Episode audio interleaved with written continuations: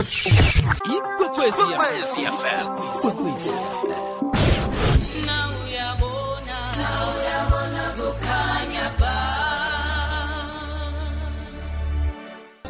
zole emhatshweni kwekwezi fm sikhathi njenganje sokuthi sithi kuwe vula isifuba mntomutsha ngileli hlelo esililetha qobe ngomvulo kuleli hlelo elithi sizigedlile kukwekwezi fm namhlanje singikhambisana nenye yengikutana sekade ngamgcina lo mswa eh akathomi ukuba nathi ehlelweni.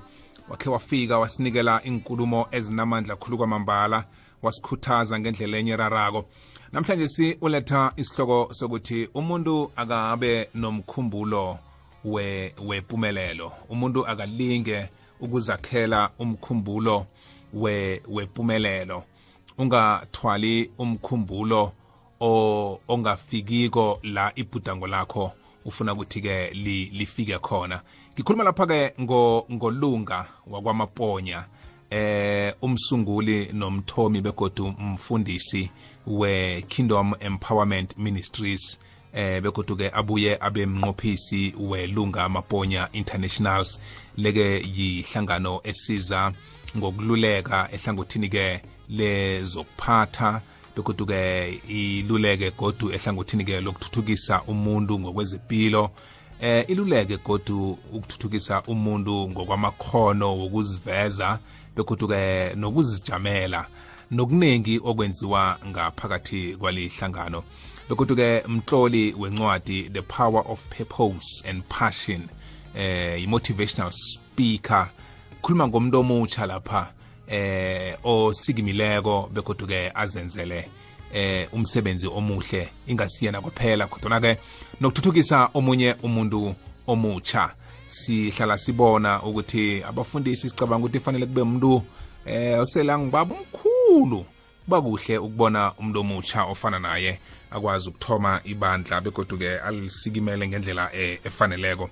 Ngimlotshisa njenganje ngithindana naye ngokomtato. Maponya ngiyathokoza bona sibe soke elangena namhlanje. Siyakwamukela siyakulotshisa kukwekwezi fm kubonga mina butbobo ngibingelele wena ngibingelele nomlaleli wekwekwezi fm kulobusuku banamhlanje. Nisaphila kodwa. Siphile kamnandi mfana omdala. Eh sekusikhathi namalanga amaningi ngagcina ukuthi sibe soke ehlelweni. Ngibuza ngakuwe ukuthi wena uphatheke njani? Awa ngisaphatheke kuhle butbobo uh, unkulunkulu sasigcinile sibonga ukuthi asiphe namhlanje ithuba zokuthi sixhumane emoyeni sikwazi ukuthi siluleke umlaleli ekhaya sim-encourage simkhuthaze akwazi ukuthi akhuthale naye akwazi ukuthatha isinyathelo esiyaphambili esimnikisa la ekumele abe khona. Ufike kuhle mfana omdala unyaka uyathoma inyanga yokuthoma yonyaka iyaphela. Okutsho khona ukuthi umuntu kufanele ikhisibe kunamezwi wokukhuthazwa eh abambelele phezukwawo ngifuna ukuthi kuwe isihloko osilethe namhlanje si-creating a success mindset. Ngezinye zengihloko lezi ezicakatheke khuluma mbala ngombana-ke kaningi haye sizicale njengabantu impumelelo engakasifaneli kodwa nake singakangeni esihlokweni sethu ngifuna ukwazi ukuthi leli bandla olithomileko likiyiphi indawo? Ibandla leli esiliqalile bhutbobo siliqale ngo-2016 ngo-august. Lilapha endaweni ekuthiwa yisezithobeni ngase-broncosprat ezithobeni eduzane nje nase-broncosprat ilapho esikhonzela khona. Umfundisi omkhulu lapho nguwe mfana omdala. Eh kunjalo bhutbobo yazi yazi ilunga eh bengisacocela amanye amadoda. Ngithi yazi ningarareki ngeminye iminyaka nize bathi ubobo umfundisi yazi amabizelo la ayazifikela ngokuhamba kwenkhathi bengakacabanga ukuthi namhlanje zabe ngithi mfundisi nangikhuluma nawe. Ya no um umuntu uma akhula uthola ukuthi unezinto aziqukethe kuyena ebeyangaziboni sonke lesikhathi. Kanti futhi kunezinto ezivela uma isikhathi sesifikile. Uma isikhathi sisesifisha kuyenzeka ukuthi ungayiboni lezo zinto lezo kodwa uma isikhathi sesifikile sisi-right uyakhona ukubona ukuthi oh kanti naloku nami nginako. Bese ukwazi ukuthi so ngoba njengoba sowukhulile ukwazi ukuthi lokho sokutholile ngaso isikhathi leso ukwazi ukusebenzisa ngendlela e-right. Ngoba ukuthole ngesikhathi esi-right so i-timing rankulunkulu i-very important empilweni. Hmm. therefore kunezinto ozidiscovera uma sowukhula usuhamba hambile indlela sone-experience ethize sone-knowledge ethize bese ukhona uthola ukuthi okay naloku nami nginako bese uyaqala-ke bese ufinyelele nakuloko nako-ke ukuqalisa ukusebenzisa bese ube-active kule nto leyo uyidiscoverishile qiniso. Namhlanje ngiba ukukubiza ngomfundisi wami ngoba ngiyabona ukuthi kufanele ngihloniphe eh lesi siphiwo uzimo akunikele sona. Asingene endabeni yesihloko sethu sanamhlanje creating a success mindset. Sikhuluma ngani la? Namhlanje bhutbobo angithi ngithi lapho sikhona kunokukhanya ikwekwezi FM namhlanje ebusuku sithi creating a success mindset. Um kunezinto eziyi-five uma abantu siphile emhlabeni esingazazi. Engicabanga ukuthi namhlanje kumele senze isinqumo sokuthi kumele sizazi lezi zinto lezi eziyi-five. Lezi zinto lezi eziyi-five esingazazi izona eziletha ubuhlungu empilweni zethu izona ezenza ukuthi sizibone ngathi singabehluleki lezi zinto lezi eziyi-five zenza ukuthi impilo zethu zibonakale ngathi ziyimpilo ezi-useless yimpilo ezingahlelekile yizimpilo ezingayindawo. Number one kunento esingayazi ngey'mpilo zethu asazi ukuthi singobani. Esikhathini esiningi siphila impilo singazi ukuthi singawubani. Uma umuntu umbuza ukuthi ungubani wena ukutshela igama lakhe akutshele nesibongo sakhe akutshele ukuthi ungumhlobo bani bese aphelele lapho. Kanti uma sibuza ukuthi ungubani wena sibuza umbuzo okhuluma ngesiqu sakho okhuluma ngobuwena is a question equestiona your sense of character. Uma umuntu ezitholile ukuthi ungubani yena unendlela ethize aziphatha ngayo ekhombisayo ukuthi lo muntu lo useyazi ukuthi ungubani yena. Uma ubheka umlando wase-amerika lapho khona abantu abamnyama e-amerika bebe bebe benza bezizwele bebencinyane benza bazizwele bekwangathi bengelutho becindezela befakwe ngaphansi kwengcindezi yabelungu. Udr martin luther king jr uthi yena i am black and i am beautiful and i am proud. Ukhombisa ukuthi ungumuntu ozitholile ukuthi ungubani. Uthi umuntu makangehlulelwa ngesikhumba sakhe kodwa umuntu makahlulelwe ngesiqu sakhe umuntu makabe judged according to the content of his character. So uma uwumuntu empilweni namhlanje one uma kunento kumele uyenze okokuqala nje ukuthi uzazi ukuthi ngubani you must know who you are.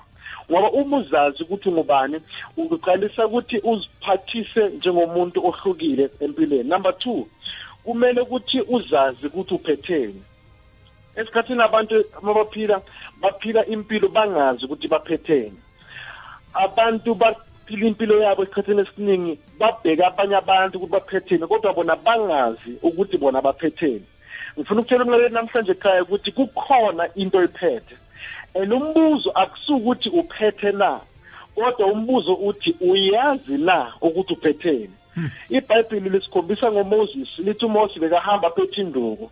Uma hamba aphethe induku unkulunkulu ngelilanga ohlangana naye uyambuza ukuthi moses uphetheni esandleni sakho na? Umoses uhamba uphethe induku so akazi ukuthi kunamandla kule nduku leyayiphethe kunabantu kunabantu abasha abahlele emakhaya banezandla abazi ukuthi kunamandla kulezandla zabanazo kunabantu abahlele emakhaya namhlanje banezingqondo abazi ukuthi kunamandla kule ngqondo abanazo. Kunabantu abahlele emakhaya namhlanje banezinyawo abazi ukuthi kunamandla kule zinyawo abanazo. There is power in what you have. Uma ungazi ukuthi uphetheni ubonakala njengomuntu ongenalutho. Namhlanje abantu bethathwa ngathi abanalutho. Hayi ngoba benganalutho. Kodwa bangazi ukuthi baqukethe okuthize okubalulekile empilweni. Wonke umuntu makeze emhlabeni uza afumbethe okuthize. You, you come into this world carrying something. And ukuze uze lana ukuze usinikeza lento oyiqukethe ngaphakathi kwakho. Ngoba ngoba uphila namhlanje uphila ngoba kunento oyiphethe esidingayo thina emhlabeni. Kuyoba yize kuyobe kuyishwa kakhulu ukuthi udlule emhlabeni singazi ukuthi ubuphetheni wena. Umandoza weza emhlabeni washiya nomculo wakhe ngoba weza aphethe umculo wakhe. Usifiso ngwane weza emhlabeni aphethe umculo nomhlabelelo omuhle ulundi oshile evikini empela sonto esidlula kiyo weza naye ephethe umculo empilweni yakhe washiya nomculo wakhe. So wonke umuntu makeze emhlabeni uza kukhona into ayiphethe. What are you having namhlanje kubuza umbuzo ekhaya ukuthi yini na lento le oyiphethe because kukhona into oyiphethe. And kuyoba kuyi dangerous it is very dangerous ukuthi uphile emhlabeni ungazi ukuthi uphetheni ngoba abantu bayaphila emhlabeni bangazi ukuthi baphetheni. Number 3 singabantu siyaphila singazi ukuthi sinekhono na. Abantu abazi ukuthi into ebebiza ukuthi potential abazi ukuthi banekhono elithize abanalo. Abantu baziveza njengabantu abangazi next abangakwazi ukwenza next. Abantu siziveza njengabantu esi-disabled esingakhona ukwenza next. Kodwa iqiniso ukuthi kukhona into okwazi ukuyenza. Kukhona amandla onawo. Kukhona into ongakwazi ukuthi uyifinyelela. Kukhona into ongayisungula phansi. Uyiqale uyisebenzele izifike empumelelweni yayo.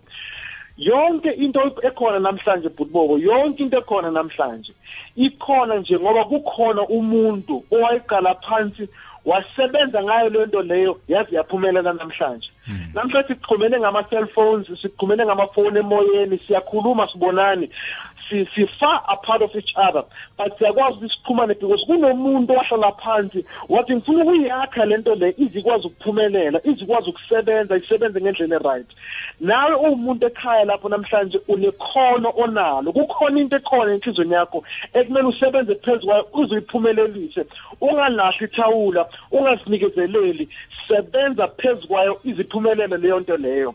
Uma ngifunde i-history yesibani esikhanyisa ngaso emakhaya kuthiwa uThomas E. Edison waba busy nge-light bulb wafeyila 9999 times.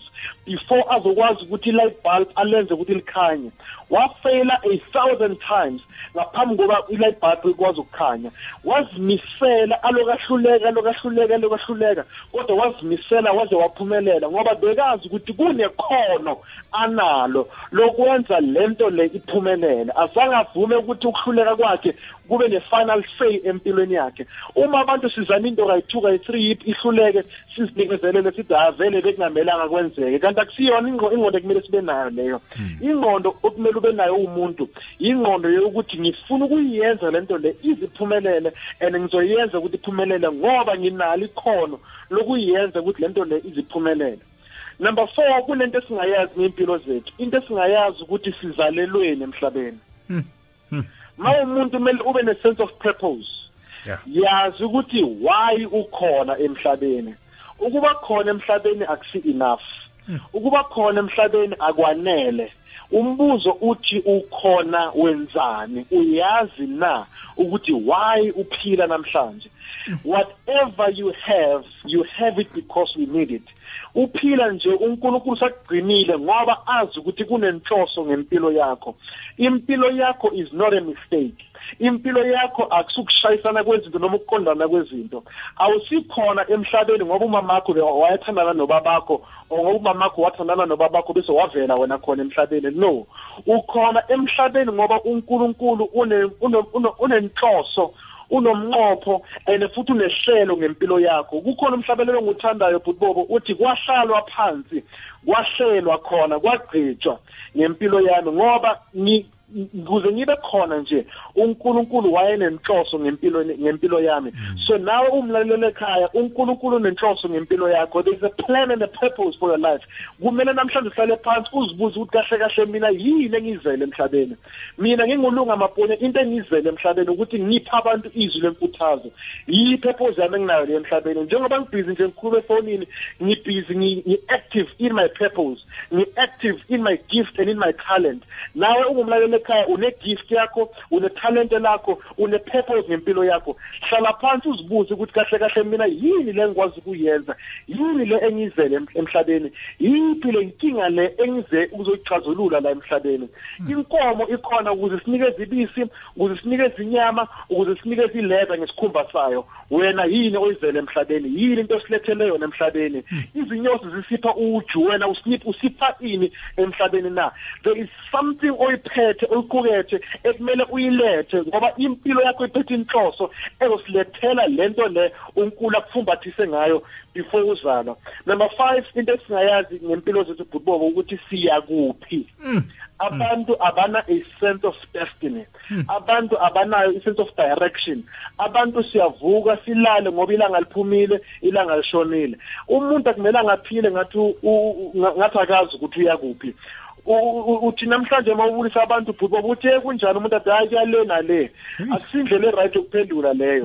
Uma umuntu kumele ube no- umuntu owaziyo ukuthi ngiyakuphi ngempilo yami kumele ube umuntu okwazi ukuhlela impilo yakho ukuthi mara nje u-2017 lo ngifuna ukwenza ini ngempilo yami ngempilo yami? Ufebruary lo singena kuye in two days time ngifuna ukwe- u- u- ukuzibona ngizuze ini ngofebruary? Ngifuna ukuzibona ngikuphi ngomarch? Ngifuna ukuzibona ngikuphi by december? Ngo-2018 ngifuna ukuzibona ngikuphi? Ngo-2020 ngifuna ukuzibona ngikuphi? Ngo-2025 ngifuna ukuzibona ngikuphi? Kumele ube umuntu one-sense of destiny and direction. Ungaphili uwumuntu ongazi ukuthi uyakuphi ungaphili uwumuntu oyalayo umoya uyakhona umoya ubhebhetheka ngapha uya ngapha. Umoya ubhebhetheka le uya le. Ungabi umuntu ohamba nomoya. Yiba umuntu ozaziyo ukuthi uyakuphi uhlose ini ngempilo yakhe futhi ufuna ukuzibona akuphi. Uthi uStephen Covey uma kabhala incwadi yakhe uthi uma kunobu uthi uma kunobu kunobusathane obukhona empilweni. Ububi obukhona empilweni ukungazi. Uthi the greatest evil in life is ignorance. Uma kunento esibulalayo futhi boba sibulawa ama-drugs asibulawa inyawupe ekhona asibulawa izibhamu asibulawa umhlupheko sibulawa ukungazi. Asizazi ukuthi singabobani asizazi ukuthi siphetheni. Asazi ukuthi sinekhono liphi. Asazi sizalweleni asazi nokuthi siyaphi. Uthi umunye futhi makabhala um uHosea makabhala ebhayibhelini uthi uNkulunkulu abantu bami bayafa ngenxa yokuswela ulwazi. Uma kunento esisola kunayo yonke into emhlabeni bhubobo ulwazi. Akusu ulwazi esinalo siyazi ukuthi one plus one is two mara umuntu akazazi ukuthi ungubani yena. Umuntu uyazi ukuthi ilanga lizophuma ngasasa mara yena akazi ukuthi uzofuna uku- uyoyenzani ngempilo yakhe kule langa lelo lizophuma ngakusasa. So uma kunento ekumele siyazi kumele sihlale phansi sizibuze imibuzo enzima ngempilo yethu ezos- ezosenza ukuthi sisukume senze okuthize okuhlukile ngempilo zethu. Uma ngiceda lana ngithi-ke mina your mind is the only thing you've been given to authority over. Uma kunento o- onikezwe yona ukuthi uyibuse ingqondo yakho. Ah Awu- awunikezwanga ukuthi ubuse omunye umuntu awunikezwanga ukuthi ubuse enye indawo. Uma kunento eyodwa emhlabeni wonke jikelele ekumele uyibuse ingqondo yakho. Once you are able to lead and guide your thoughts you can be able to achieve success. Yes. Ukuphumelela empilweni uphumelela ngokulawula imicabango yakho. Ibhayibhili lithi as a man thinketh in his heart so is he. Umuntu uba yilento le ayicabangayo uma ufuna ukuphumelela empilweni kumele ube nengqondo yokuphumelela. Kumele udle ukudla kwempumelelo. Kumele ukhulume ilimi lempumelelo. Kumele uzizungeze nabantu abazi impumelelo abaya empumelelweni ababhizi ngempumelelo. Yingakho uzokwazi ukuthi nawe ukwazi ukuthi uhambe uye empilweni ekuphumeleleni. Ukuphumelela akusukuba nemoto akusukugqoka impahla zikanokusho akusukuhlala endlini enhle kodwa zonke lezi zinto lezi ziwumthelela wempumelelo. Ah. ukuphumelela ukwenza lento le oyizele emhlabeni uyenze ngeqopheleni eliphezulu. Namhlanje bhubolo nqamela ingoma kamandoza uthi umandoza kule ngoma yakhe uma ufuna ukuphila impilo efresh qina ube the best. Uma ufuna ukuphumelela empilweni ake uqine ube the best. Zitshele ukuthi kule nto le ngizoyenza emhlabeni ngifuna ukuthi ngiphumelele kuyona ngifuna ukuthi ngibe number one kuyona. Angiziqhathanisi nomngane wami angiziqhathanisi nozibanibani kodwa mina ngizimisele ukuthi ngibe the best kule nto le ngifuna ukuyenza empilweni. Yilapho uzokwazi ukuthi uphumeleleke khona bhubo ikhulunyiswa ngulunga maponya mlaleli sikhambisana naye. Nawe uzongena ku-089 120 siyabuya. Lihlelo lisifuba mlomutsha qobe ngokuvulo ngo-half past 10 nabakhuthazi abaphuma phambili. Sibuyile mlaleli. Ngezinye zendaba lezi namkha zezinto ezenza ukuthi nasize ehlelweni qobe ngomvulo size simomotheka ngoba ke lizokuthini aliphelako ihlelo ikhisibe. Umkhuthazi wethu ebesikhambisana naye usichiya sikhuthazekile. Yazi ulunga uveza amaphuzu amahlanu acakathekileko esingawaziko. Ngempilo zethu and lamaphuzu amahlanu awavezileko kumaphuzu angasenza ukuthi sikwazi ukufinyelela amabhudango wethu sikwazi ukufinyelela konke esizifisela khona nempumelelo esithanda ukuthi sibe nayo. Yazi mfundisi wami ngifuna ukuya ephuzwini lesibili lapha oveze khona indaba yokuthi umuntu akazazi ukuthi uphetheni. Ngifuna ukuthi leyo inamandla kakhulu kwamambala ngenxa yokuthi sibethwa kukwazi ukuthi ikhono umuntu analo. Namkha ngithi yini ikhono umuntu aphiwe lona. Ngibawa ukufanisa ngosomahlaya we-amerika begodu nomhathi emhathweni nakumabona kude nomunye nje wabobaba engihlonipha imisebenzi yakhe. Ngikhuluma ngosteve harvey. Eh nakathomako ibhudango lakhe nokulisikimela ngabo 1985 eh nangikhumbula kuhle. Kwaba nalapha azithola khona ukuthi kufanele alise umsebenzi wokuthengisa i-insurance ebekade wenza ngoba lowo msebenzi bowungamthabisi bowungamfinyelelisi la yena afuna ukufika khona. Uthe ngemva kokuthola ukuthi kuhle kuhle yena uphetheni uphiweni wazithola ukuthi uphiwe ukuba ngusomahlaya. Ngombana konke lapha ahlezi khona nabantu into ayenza khulu nengadingi ukuthi adose umsipha nakayenzako kuhlekisa abantu. Namhlanje into efana leyo ingiyo emenze wakhona ukuzuza impumelelo anayo namhlanje. Uthi nangakhulumako uthi nasele uzitholile ukuthi uphetheni ukhuluma ngesiphiwo onaso. Lokho kungikho okuzokuvulela iminyango yonke ofuna ukungena kiyo ngoba into leyo uthi na uyenzako awuzwi ubuhlungu kodwana uzwa ubumnandi. Into leyo na uyenzako uyayenzisisa. Into leyo kulula ukuthi ungabhadelwa ubhadelelwe ukuza ukuzokwenza into leyo. Mhlambe omunye uphiwe ukuba mvumi. Mhlambe omunye uphiwe ukuba mhathi mhlambe omunye uphiwe isiphiwo sokuba mdlali webholo. Ziningi imphiwo esiphiwe zona kodwana kufanele usithole usazi usizwisise. Sele usazi usizwisisa ukuthi wena uphetheni angekhe usacala emva nemacadi ngoba uzokugijimisa into oyaziko ukuthi unayo. Angazi mfundisi wami uyangizwa la. Butbobo ishaya esikhonkosini. Um inkinga yethu butbobo noma into esibamba kakhulu emhlabeni ukuthi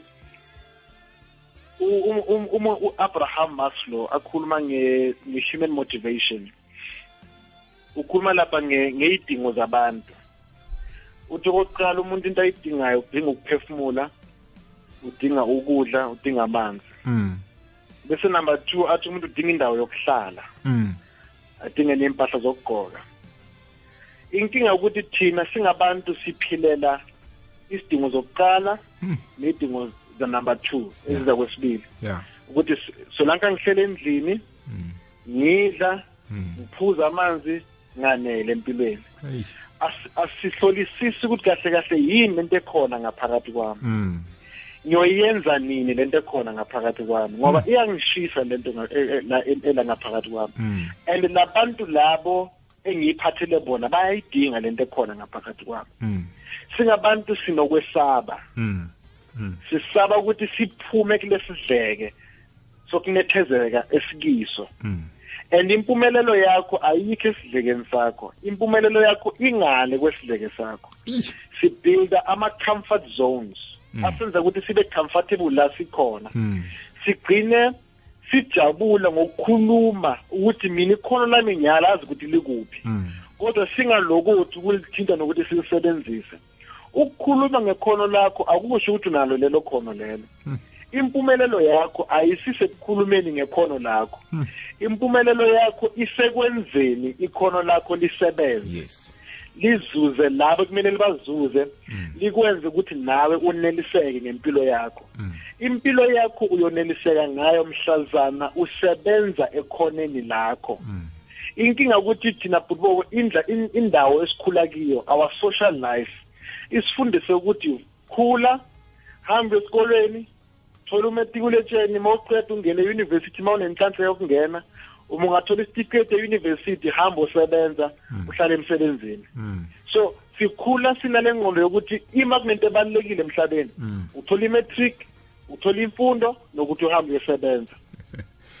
Kanti kumele ngabe sifundiswa ukuthi uma umuntu funa ithalente lakho kuqala uma usulitholile ithalente lakho ithalente lakho lizokutshela indlela ekumele ulisebenzise ngakhona. Lizokutshela ukuthi kumele uye kusiphi isikolo uyofundela ini. Yeah okusho ukuthi ufundela ukunezezela ithalente onalo. Ufundela ukukhulisa le talent onalo. Mm ufundela ukuthi uma sowa- sowusebenza ngale talent- ngale talente lakho ube umuntu o- onolwazi ube umuntu onokuzithemba ngalento le ayenzayo. Mm uma unethalente lo music uzokwazi ukuthi uma ngiphume esikolweni ngiyofundela umusic ngiyofundela i-sound engineering ukuze uma ngicula noma ngi- ngiba involved ku-music industry yes. ngiya-understanda ukuthi isebenza kanjani kufuneka ini nokuthi kumele ngenze kanjani. So singabantu asifundiswanga ukuzethemba ngamakhono wethu. Kodwa sifundiswe ukuthi hamba usebenza uthole umsebenzi uhlale lapha emsebenzini unganyakazi ne Mm. so sifika ele emsebenzini sitshayise late ngoba sisaba ukuxoshwa emsebenzini isidleke sethu sizaze silimale so singaba si- namhlanje ngifuna ukukhuthaza umlaleli ekhaya ukuthi kunethalente onalo and uyalazi ithalente lakho ukuthi likuphi. Qalisa namhlanje ube bhizi ngale thalente lakho likhona likuwe. And unkulunkulu ak- akakunikanga lona nge-mistake ukuphe lona ngoba azi ukuthi umuntu o-right ufanelwe ukuthi uthole lelo thalente lelo ngoba mani kuwe singakwazi nathi silithokozele likwenza impilo yakho futhi ibe yinhle futhi. Ngithanda iphuzu lesithathu. La kufanele umuntu abe very creative. Akwazi ukuthi athome izinto ezingazange khe zibe khona. Ngoba omunye nomunye umuntu unamandla wokuletha into etsha ephasini.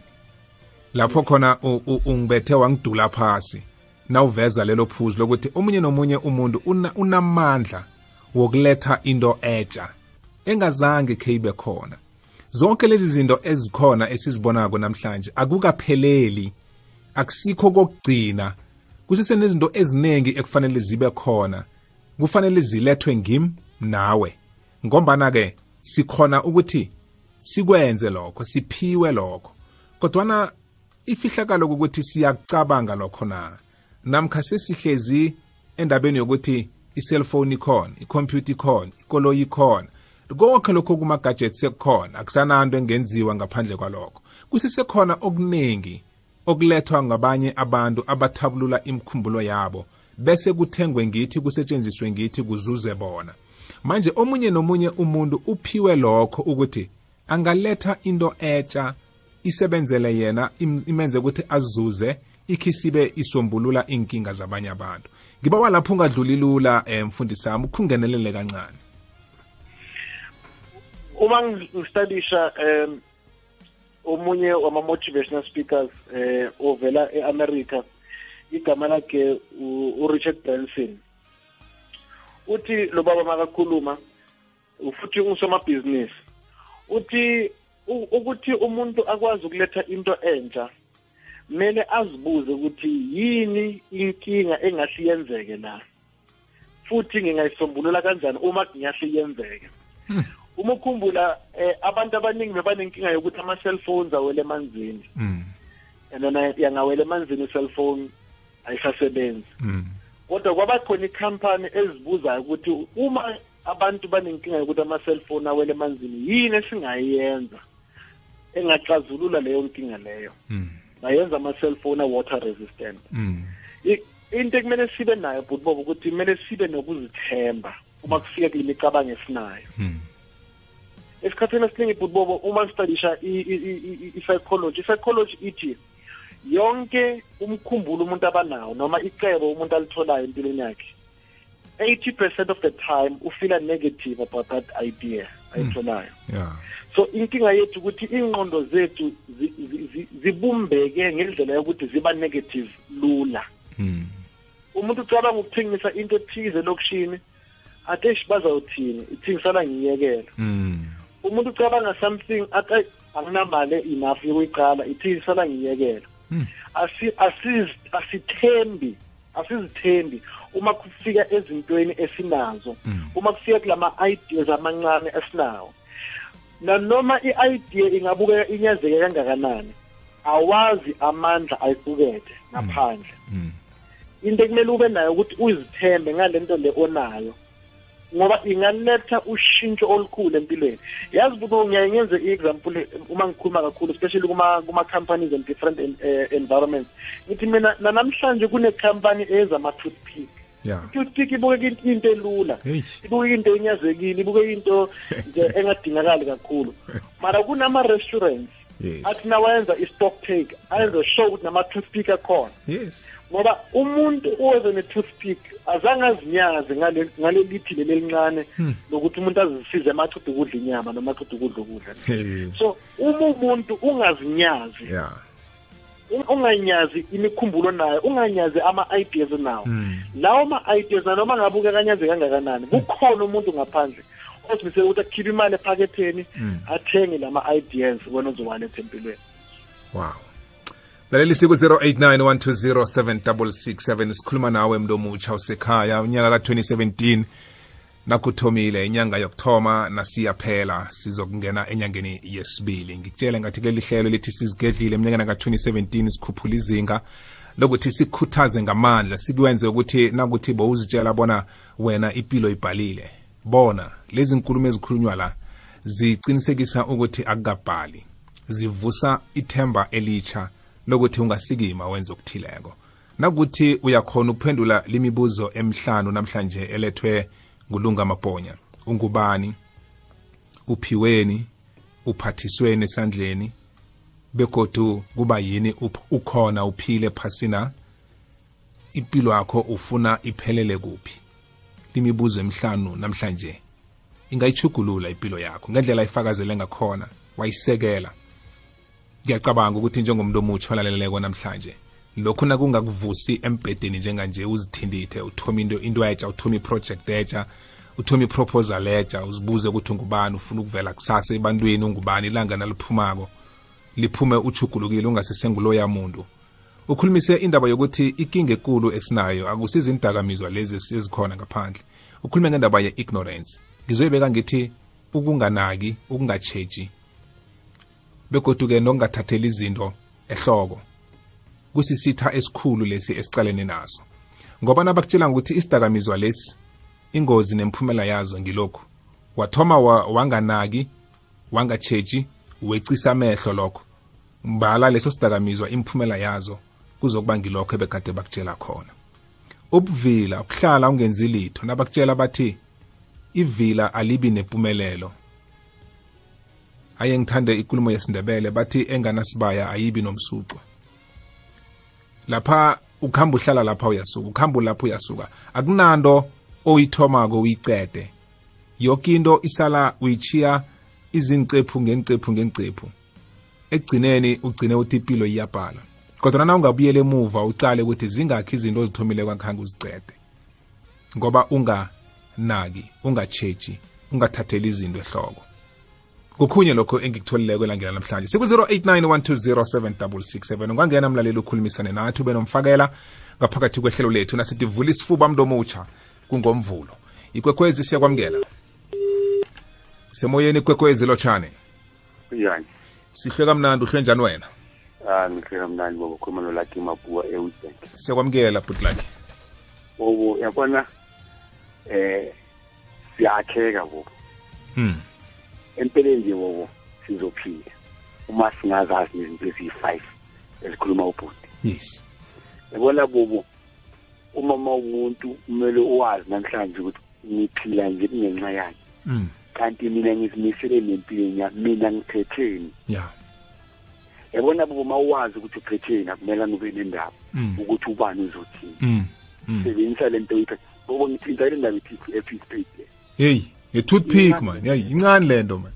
Bobo lento le noma ungayithola lapha erestaurant bakufake ekudleni kwakho uthenga ama-takeaway Yeah. ukuyikhosa ukuthi isebenzise lento Yeah. kanti lento inemsebenzi le ya and iyenziwe ngenhloso and kunomuntu oyibhadeleleko ukuthi ize kuwe.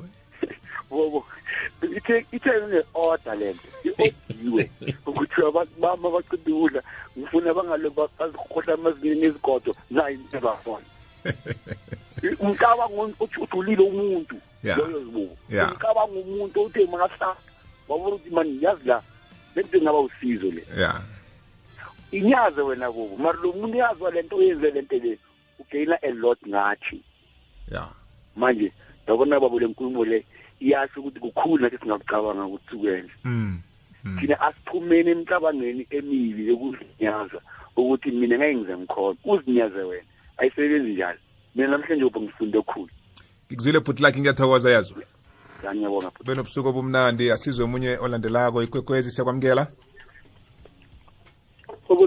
Akwande kunjani? Ngimnandi ngizanguwe sithokoze. Ngiyavuma. Ah wona bobo into ekulukulu unga- ungazi wona ungazi ngikho okusilimazako umuntu akazi ukuthi unamandla kangangani wakwenza into yabona bese nakasuka la uyokubhema inyawo wophi azibulale ebulale yoke into ekulu ekuya ayiphetheko ibulala ugcwede yena self uzibulala yena self. Ngoba akazi ukuthi unamandla kangangani wakwenza nanoma yini. Mm. ngithokoze koko. Kuthokoza thina ibantu busuku bomnanda sizomnye omunye godi ikwekwezi lotshani. Mtombota akhulu kunjani? Kana kunjani? nathi sikhona.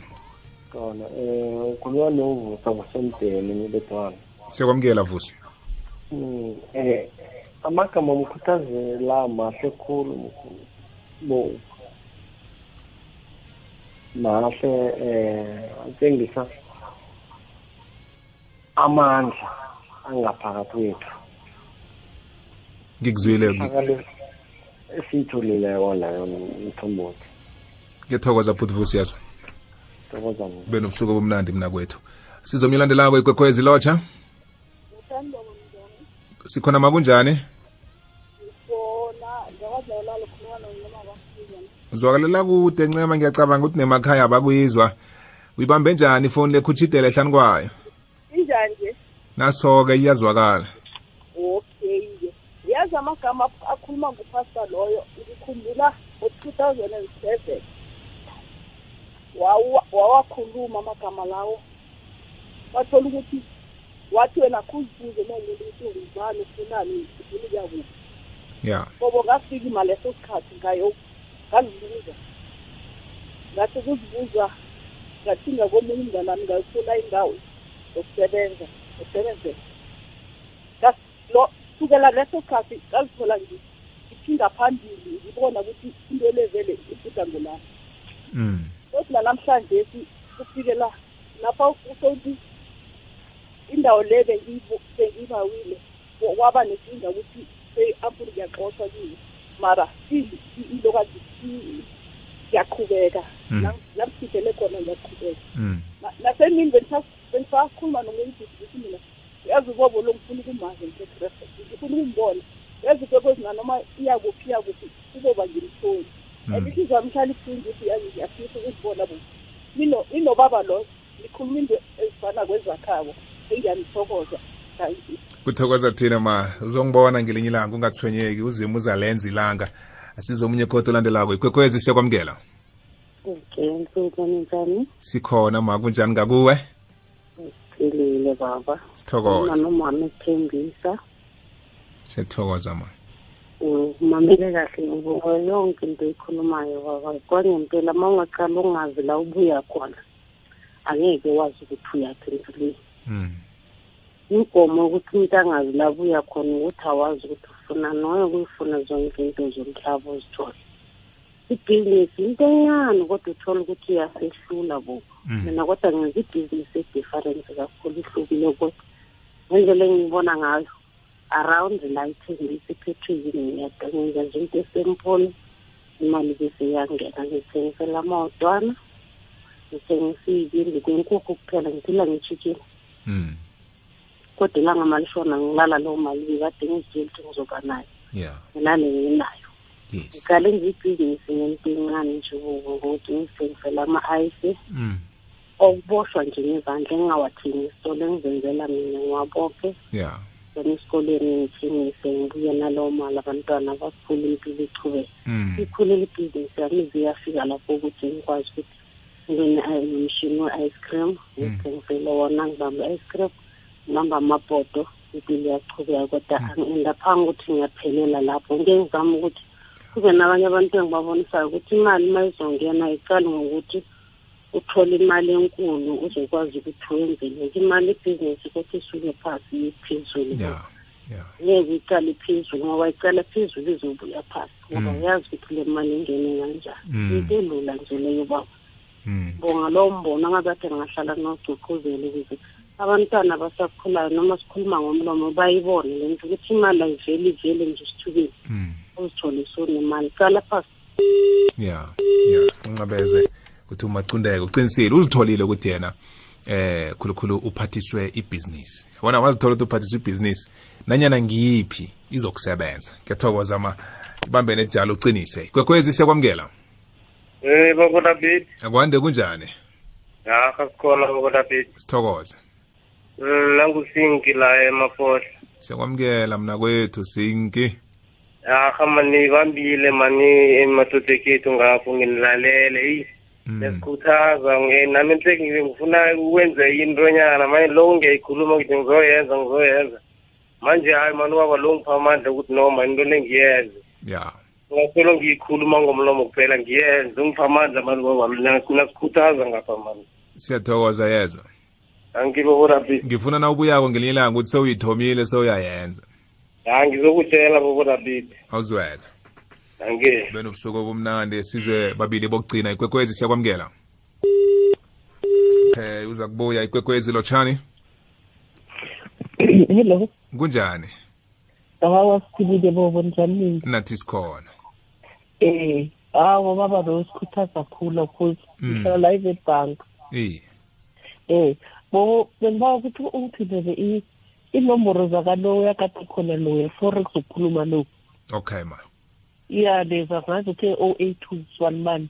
Alright ma sazibuyelela uphatha iphepha nomsobo yezwa okay ngiyathokoza. Siyathokoza. Babayi ma. Ikwekwezi siyakwamukela? Sithokoze bobo kunjani? Kamnandi kunjani kuwe? Ikhona khulu baba. Mm. ukhuluma nosoli kwadlawulale lapha. Siyakwamukela ndawanaphi kwadlawulale? Ewolneke o sewolnek iye siyakwamukela. Ngihlala ngikulalela khulu baba mara iye amagama akhe angikhuthaza mm. angikhuthaza khulu. No siyathokoza. Thokoza mina benobusuku obumnandi yazi lunga ngithanda indaba yokuthi nasiyisongako sisonge ngaleli phuzu lokugcina lesihlanu engibona ukuthi kungilo elinamandla. Ukhulumise indaba yokuthi umuntu ufanele azi ukuthi unyaka nawuphelako uyokuphela angubani. Iminyaka emihlanu ezako ufuna ukuzibona angubani. Iminyaka elithumi ezako fanele azi ukuthi ufuna ukuzibona angubani. Indaba le inamandla khulu ngombana-ke esikwenza namhlanje sibekela ikusasa. Esikwenza namhlanje kubuya kube sivuno sakusasa.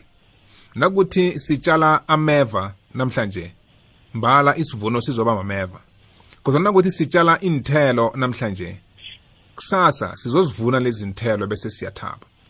Kuba nalinto yokuthi nasibona abantu sele bathola imvuno zabo sibone ngathi abantu aba ba- babusisekile bangcono khulu kunathi sikhohlwe lesa sikhathi batshala iminyaka leya batshala ukuthi bekunjani.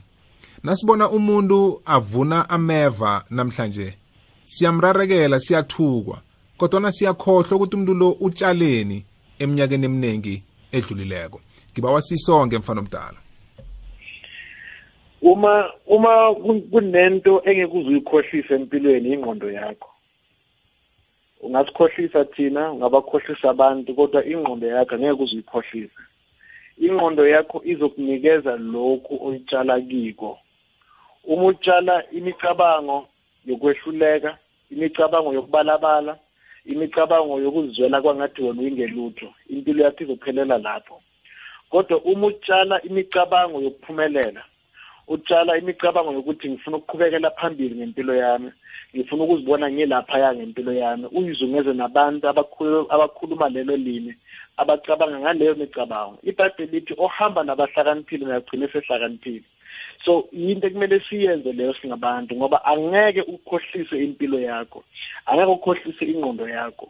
Ingqondo yakho ifana njenge-ATM angeke ukuthi una-three hundred rand ku-account yakho uhambe ku-ATM ufune three thousand rand. i-ATM izokutshela kahle ukuthi insufficient funds le mali ongifuna yona angikuphathelanga yona wena ngoba awunayo. So uma umuntu aphile empilweni kumele afu azibuze ukuthi kahle kahle ngiyaphi. Ngifuna ukuyibona ngikuphi. And la uzoya khona kuzokutshela ukuthi kufuneka malini. Imali ngizokwenzela isibonelo imali yokusuka enkangala uye ebrongospruit is about 50 rands. Kodwa uma ngifuna ukusuka enkangala ngiye durban it's about 500 rands. Therefore i-distance ofuna ukuyihamba ine-price tag yakhona. So kumele utshale according to la ufuna ukuya khona. Uma ufuna ukuya ufuna ukuba udoctor kumele uzibophelele emfundweni zakho ngokuya kwedemand yalento ofuna ukuba yiyo ngakusasa. Uma ufuna ukuzibona ungumhathi eradweni kumele uzibophezelele according to where you want to go. I remember bhuti sesivala ngikhuluma nomunye ibhudi ngiceda ukureleasa i-cd lami le-motivation. Ngithi kuye ngicela ukuthi urelease i-cd lami le-motivation ngaphansi kwe-record company yakho. Wangibuza wathi njengoba usikhuthazi nje zingaki iy'ncwadi ozifundayo ngonyaka?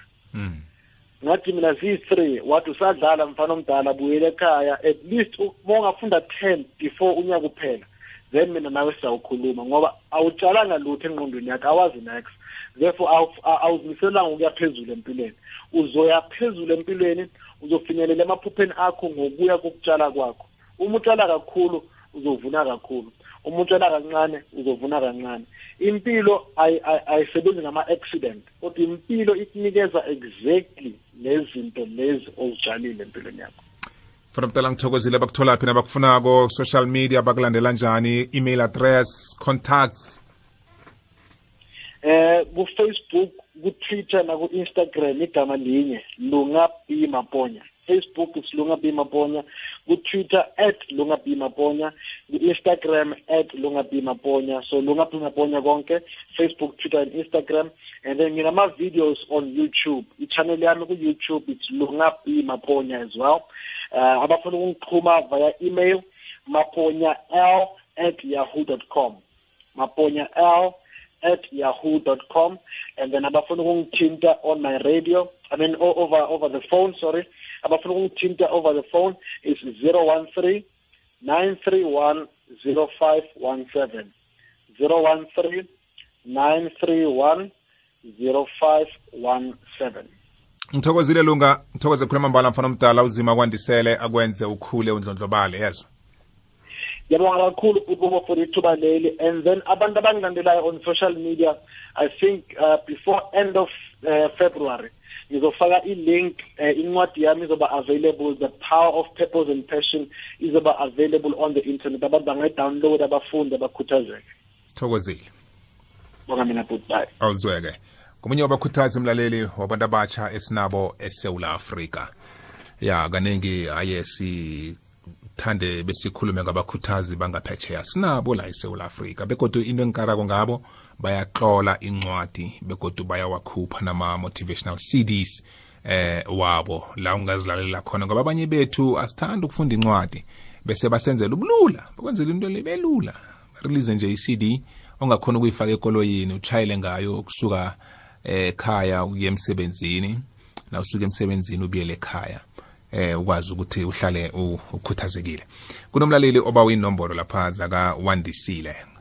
Eh inomboro lezi azithi 082 316 9829 082 316 9829 ngisemkhanyweni. Ngiyifumene ikwekwezi yami ekukhanyisako ngizokuhamba nawe koke lapha ngiya khona bonyana ungikhanyisele